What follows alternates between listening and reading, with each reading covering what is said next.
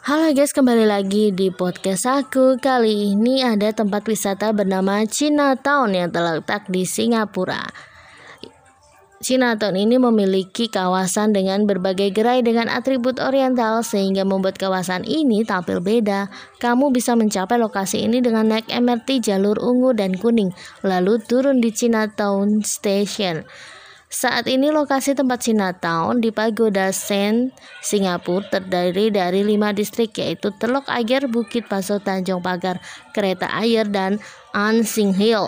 Mayoritas penduduk di Chinatown Singapura ini adalah warga keturunan Cina. Kamu bisa berbelanja berbagai souvenir dan bervariasi di negeri tirai bambu di tempat wisata ini. Tokonya mulai dibuka dari 10 pagi sampai 10 malam. Kamu bisa berwisata kuliner dan jajan di seputar area Chinatown ini. Sekian dan terima kasih.